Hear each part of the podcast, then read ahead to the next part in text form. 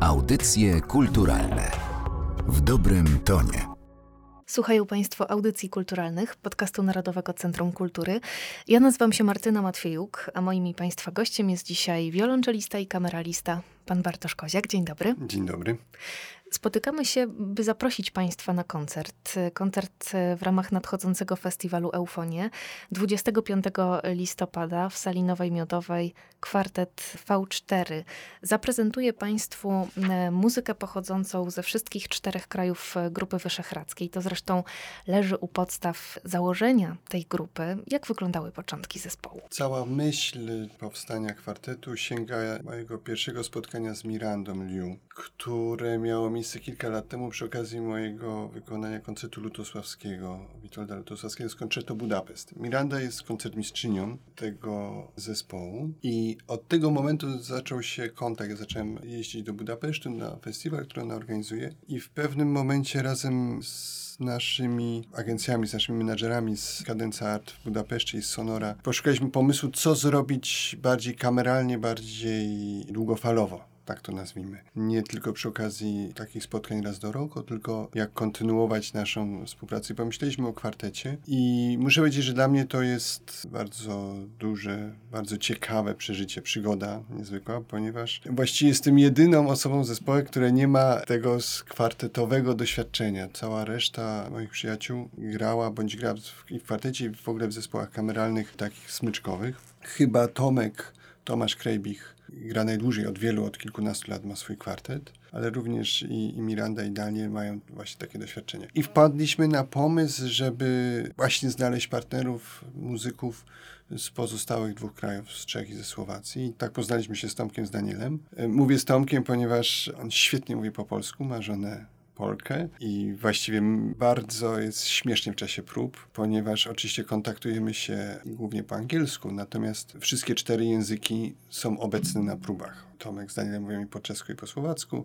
My rozmawiamy po polsku, z Mirandą po angielsku, ale Miranda też przy wszystkich okazjach mówi po węgiersku. To może jest na marginesie, ale to też jest ciekawe. Miranda jest Amerykanką, właśnie dostała węgierski paszport w zeszłym tygodniu, więc jest już Węgierką. I, i tak się zaczęła e, ta przygoda już dobrych kilkanaście miesięcy temu. I to początkowo był taki pomysł, że zobaczymy właśnie, jak nam się będzie grało, że, że spróbujemy zagrać parę koncertów i jakaś się nawiązała nić porozumienia właściwie natychmiast. I takiego personalnego, co jest szalenie istotne w sytuacji, kiedy musimy pracować, spędzać ze sobą dużo czasu. I muzycznie również bardzo szybko złapaliśmy znakomity kontakt. Wydaje mi się, że każdy z nas wnosi ze swoim doświadczeniem różnego rodzaju coś do zespołu. Na pewno jest to kwartet, który działa trochę inaczej niż tak, jak sobie ogólnie wyobrażamy sytuację kwartetu smyczkowego, kiedy grupa ludzi bardzo często spotyka się wcześniej, jeśli chodzi o swój etap kariery, w czasie studiów, po studiach i spędza mnóstwo faktycznie czasu, ale powiedzmy na zasadzie latami. My się spotykamy, tak jak mówię, od kilkunastu miesięcy, bardzo intensywnie w pewnych momentach to znaczy nie, nie siłą rzeczy, ponieważ mieszkamy w czterech krajach, nawet jeżeli one są blisko, to te spotkania nie są codzienne. Natomiast kiedy już następują takie momenty właśnie w Budapeszcie czy na Słowacji, do tej pory teraz będzie w Polsce, to jest taka intensywność przez kilka, kilkanaście dni pracy od rana do nocy. Więc taki był y, początek i można powiedzieć, że jak dla mnie to ciągle jest w pewnym sensie początek, mimo że to już, już chwilę trwa. I bardzo się cieszę i, i na nasz koncert w Warszawie i, i w ogóle cieszę się, że mam możliwość współpracować z tak wspaniałymi muzykami i, i robić właśnie to, czyli grać w kwartecie smyczkowym. Jako kwartet y, V4 grają Państwo muzykę wywodzącą się z różnych tradycji, naznaczoną różnymi wpływami, też y, powstałą w różnych okresach. Y, I muzykę z przeszłości, i muzykę współczesnych kompozytorów. O programie za moment powiemy. Zastanawiam się, co wynika z tego mariażu na scenie. Czy te utwory mimo różnic korespondują ze sobą? To w ogóle jest taki temat na bardzo długą rozmowę. Wydaje mi się, że muzyka, ja mam, to jest takie moje osobiste zdanie, muzyka się zawsze broni, jeżeli jest dobra, a mamy szczęście, czy podejmowaliśmy takie decyzje również, ale o szczęściu też zaraz mowa, grać faktycznie znakomite utwory. O szczęściu mowa o tyle, że wśród utworów, które gramy. Są cztery kompozycje w repertuarze, mamy cztery kompozycje zamówione dla nas już, już mimo tak krótkiego stażu. I okazało się być to utwory znakomite faktycznie. Jeden z tych utworów zresztą będzie wykonany w trakcie koncertu na festiwalu Eufonie, to jest kwartet Iris Szegi. Więc z jednej strony dobieramy repertuar faktycznie taki, który wydaje nam się, że może się podobać, ale mamy pewność, że jest dobry.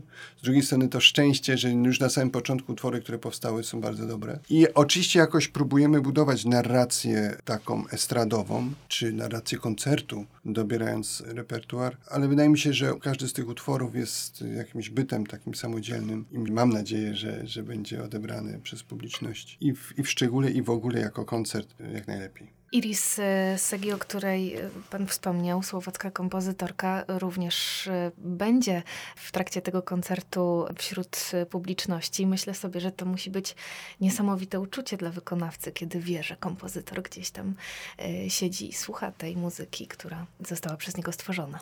Oj, na pewno, tak. I akurat ja miałem, czy mam szczęście, że, że byłem w takiej sytuacji już niejednokrotnie i faktycznie jest to wspaniałe przeżycie. Chociaż muszę powiedzieć, że jeszcze ciekawsza jest praca z kompozytorem. To znaczy to, co się dzieje przed pierwszym wykonaniem, czasem to, co się dzieje między wykonaniami, bo te pomysły y, jakby rodzą się u kompozytora y, również w trakcie czy po wykonaniu. Są pewne korekty albo pewne dodatkowe pomysły związane z akustyką, z odbiorem sali itd. Tak itd. Tak My z Iris mieliśmy możliwość spotkania się jedynie online. Mieliśmy taką próbę w sierpniu i tym bardziej cieszę się, że, że spotkamy się na żywo tutaj. Ona ma niezwykle klarowne wyobrażenie tego, co chce usłyszeć.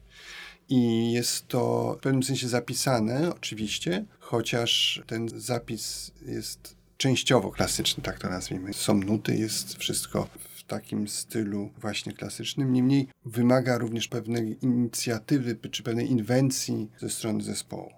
I to bardzo ciekawe połączenie, bo jest niezwykła dokładność zapisu, niezwykle dokładne wyobrażenie, a jednocześnie oczekiwanie dużej kreatywności i takich pomysłów od nas. Na tyle, na ile zrozumiałem nasze to spotkanie właśnie sierpniowe, więc cieszę się, że będzie akurat taka sytuacja tutaj w Warszawie, że będziemy mieć możliwość popracować z nią. Będzie też przed koncertem, będziemy mieć próbę wspólną, także na to się bardzo cieszę. To przyjrzyjmy się y, programowi tego koncertu bliżej.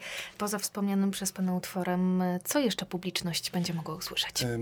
Będzie drugi kwartet Desdur Dochnaniego, który zresztą nagrywaliśmy w tej chwili miesiąc temu właśnie w Budapeszcie. Niezwykle piękny utwór, troszkę gdzieś sięgający jeszcze do takiej estetyki bramsowskiej, ale ze swoim na pewno idiomem węgierskim i, i właściwie osobistym na niego. Jestem przekonany, że jego muzyka nie tylko w Polsce, ale w ogóle jest troszkę niedoceniana, czy trochę za mało obecna jak na klasę, jak na jakość tej muzyki. Więc bardzo się cieszę, że będziemy mogli to zagrać w Warszawie. I faktycznie jest to taki utwór, który ja też poznałem przy okazji naszej pracy i, i bardzo się cieszę, że mogliśmy to zrobić. Jest to pewnego rodzaju takie osobiste odkrycie dla mnie, mimo że oczywiście nie grając wcześniej w kwartecie, no jednak ten repertuar znam dosyć dobrze jako słuchacz, jako odbiorca, a to było duże zaskoczenie. W repertuarze wykonamy też pięć utworów Schulhofa, krótki taki cykl miniatur kwartetowy. Wydaje mi się, że taki kolorowy, tak nazwałbym, kolorowy cykl z takimi mocno z tymi odniesieniami również czeskimi, zresztą w tytule jednej z części. I to będzie w zasadzie taka miniaturowa część tego koncertu. Iris, ten kwartet Iris Segi jest, chociaż my mówimy Szegi nieprawidłowo akurat w naszym kwartecie, ale to już zostawmy. To jest bardzo, bardzo ciekawe, bo ona, ona jest Słowaczką, ale oczywiście nazwisko jest węgierskie Oczywiście musimy porozmawiać, jak wymawiać e, z nią. W każdym razie napisa, to też jest ciekawa historia. My zamówiliśmy jako kwartet cztery miniatury u czterech kompozytorów wyszehradzkich właśnie. Między innymi u Kuby Krzewińskiego napisał piękną, bardzo ciekawą rzecz na kwartet w swoim stylu. Ale w każdym razie to miały być cztery miniatury. A Iris potraktowała bardzo serio nas i napisała kilkuczęściowy, potężny w zasadzie, 20-minutowy kwartet. I stało się to jakby automatycznie dla nas taką mocną pozycją w repertuarze, bo wykonywać utwór czy prawykonywać, później wykonywać dla nas napisany utwór tego kalibru, no to staje się poważną częścią koncertu. Myślę, że ciekawą zawsze dla słuchaczy nie tylko w Polsce jest ciekawą rzeczą jest posłuchanie kwartetu lutosławskiego. No mój stosunek do muzyki lutosławskiego do samej osoby siłą rzeczy od lat no, jest bardzo osobisty. Od lat już jestem w zarządzie Towarzystwa Lutosławskiego i ta muzyka nie, nie tylko, że jest mi bliska, ale też jakoś mam takie poczucie misji, żeby ten lutosławski tam, gdzie tylko mam na to wpływ, żeby lutosławski był obecny repertuarowo. No i na pewno kwartet jest jednym z arcydzieł XX wieku, jest, jest pewnym przełamaniem idei kwartetu. To jest bardzo ciekawe. Jest kwartetem, który łamie kwartetowość przez ideę, czy przez technikę aleatoryzmu kontrolowanego, która była już bardzo wówczas na zaawansowanym etapie jego twórczości obecna. I wydaje mi się, że w jakimś sensie, mimo tego, że utwór ma już kilkadziesiąt lat, on jest cały czas nowoczesny. Przez tę ideę właśnie, przez to, że że to granie to nie jest takie granie w kwartecie tej spójności, tylko tego grania na siebie, ale partii niezależnych. Ciągle niezależnych partii, takich momentów grania wspólnie i znowu pewnej niezależności, ale która jest niezależnością usystematyzowaną. To jest właśnie ten aleatoryzm kontrolowany, czyli mamy przypadek, ale mamy przypadek, który następuje tam, gdzie następuje, a nie gdzie indziej. Ja to odbieram w kontekście kwartetu jako wyjątkowe. Oczywiście grając wielokrotnie koncert, czy inne utwory, chociaż preludia i fugę na 13 instrumentów, gdzieś tam jestem blisko z tą techniką, przede wszystkim z tą ideą artystyczną. Natomiast w jakimś sensie w kwartecie robi to wrażenie, przynajmniej na mnie, mnie takie piorunujące. To jest niesamowita sprawa takiego zerwania z tą tradycją. To też jedyny kwartet smyczkowy napisany przez y, Witolda tak Lutosławskiego. Ponoć w formie był inspirowany ruchomymi, zawieszonymi rzeźbami Aleksandra Kaldera. Jakim wyzwaniem jest y, dla wykonawcy? To jest trochę trudne dla mnie w tej chwili pytanie, bo przez to, że, że ten Lutosławski jest obecny ze mną, jest ze mną właściwie ponad 20 lat i miałem wielką szansę, czy taką możliwość pracowania z profesorem Michalikiem i z Andrzejem Bauerem i z, też gdzieś lata temu z Romanem Jabłońskim, czyli z ludźmi, którzy i Andrzej i, i Roman nagrywali, grali ten koncert wielokrotnie z Lutosławskim. Więc ten język jest mi bliski. Myślę, że największym przeżyciem czy wyzwaniem jest właśnie to poczucie przełamania, to poczucie, że musimy się wyzwolić z takiej tradycji wykonawczej, tutaj w szczególności związanej z kwartetem, ale takiej tradycji, że gramy dokładnie to, co jest w nutach.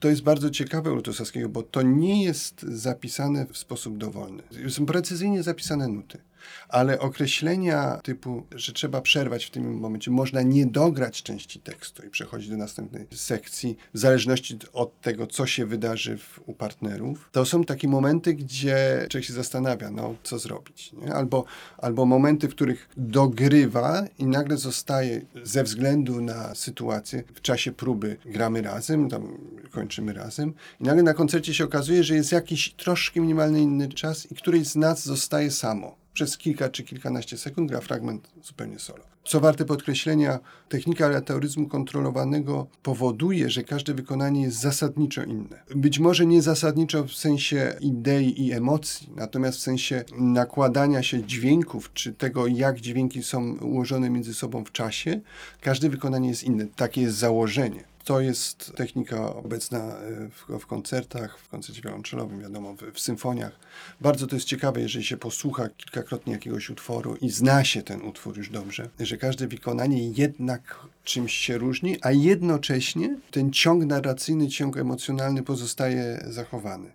Zresztą Ludosławski miał taką ideę, to jest może tej muzyce na większe składy, czy symfonicznej, czy, czy większe składy kameralne, bardziej może istotne, że chciał, żeby każdy z instrumentalistów miał solową partię, że każdy gra jakby solo i tworzy solowo utwór, który jest na przykład na kilkadziesiąt osób. Bardzo ciekawe założenie. W kwartecie siłą rzeczy to każdy z nas ma tę partię bardziej słyszalną, ale, ale pozostaje ta właśnie ta idea niepowtarzalności wykonań, nawet przez ten sam zespół.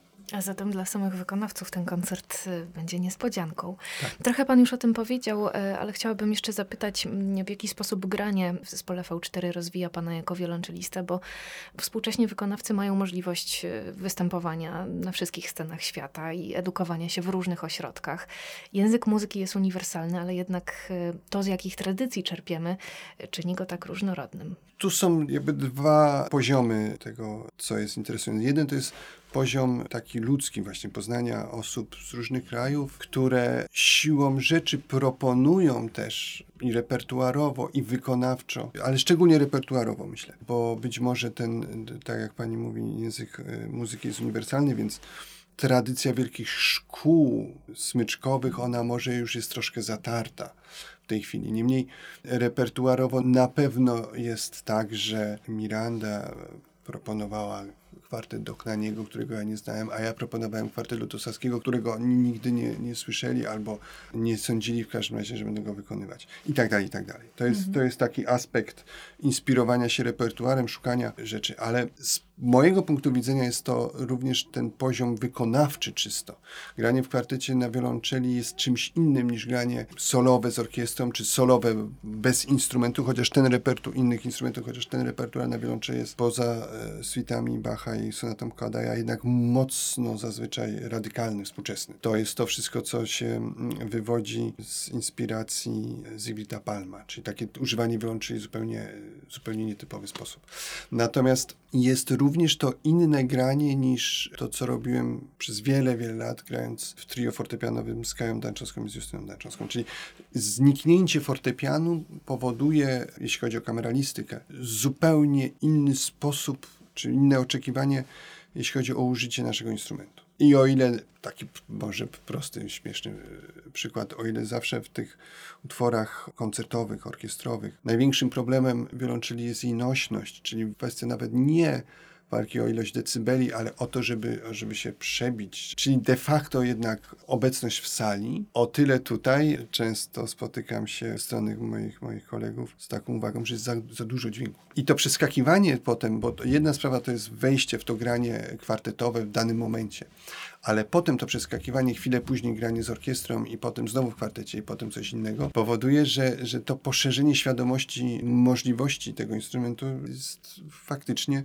dla mnie bardzo odkrywcze i bardzo ciekawe. To się wie teoretycznie oczywiście, ale w momencie, kiedy zaczynamy grać, to zupełnie inna sytuacja. Kwartet smyczkowy V4 będą Państwo mieli okazję usłyszeć w Warszawie już niedługo, 25 listopada, w sali Nowej Miodowej. Gościłam dziś w Studiu Narodowego Centrum Kultury pana Bartosza Koziaka. Bardzo dziękuję i zapraszamy dziękuję. na koncert. Zapraszamy.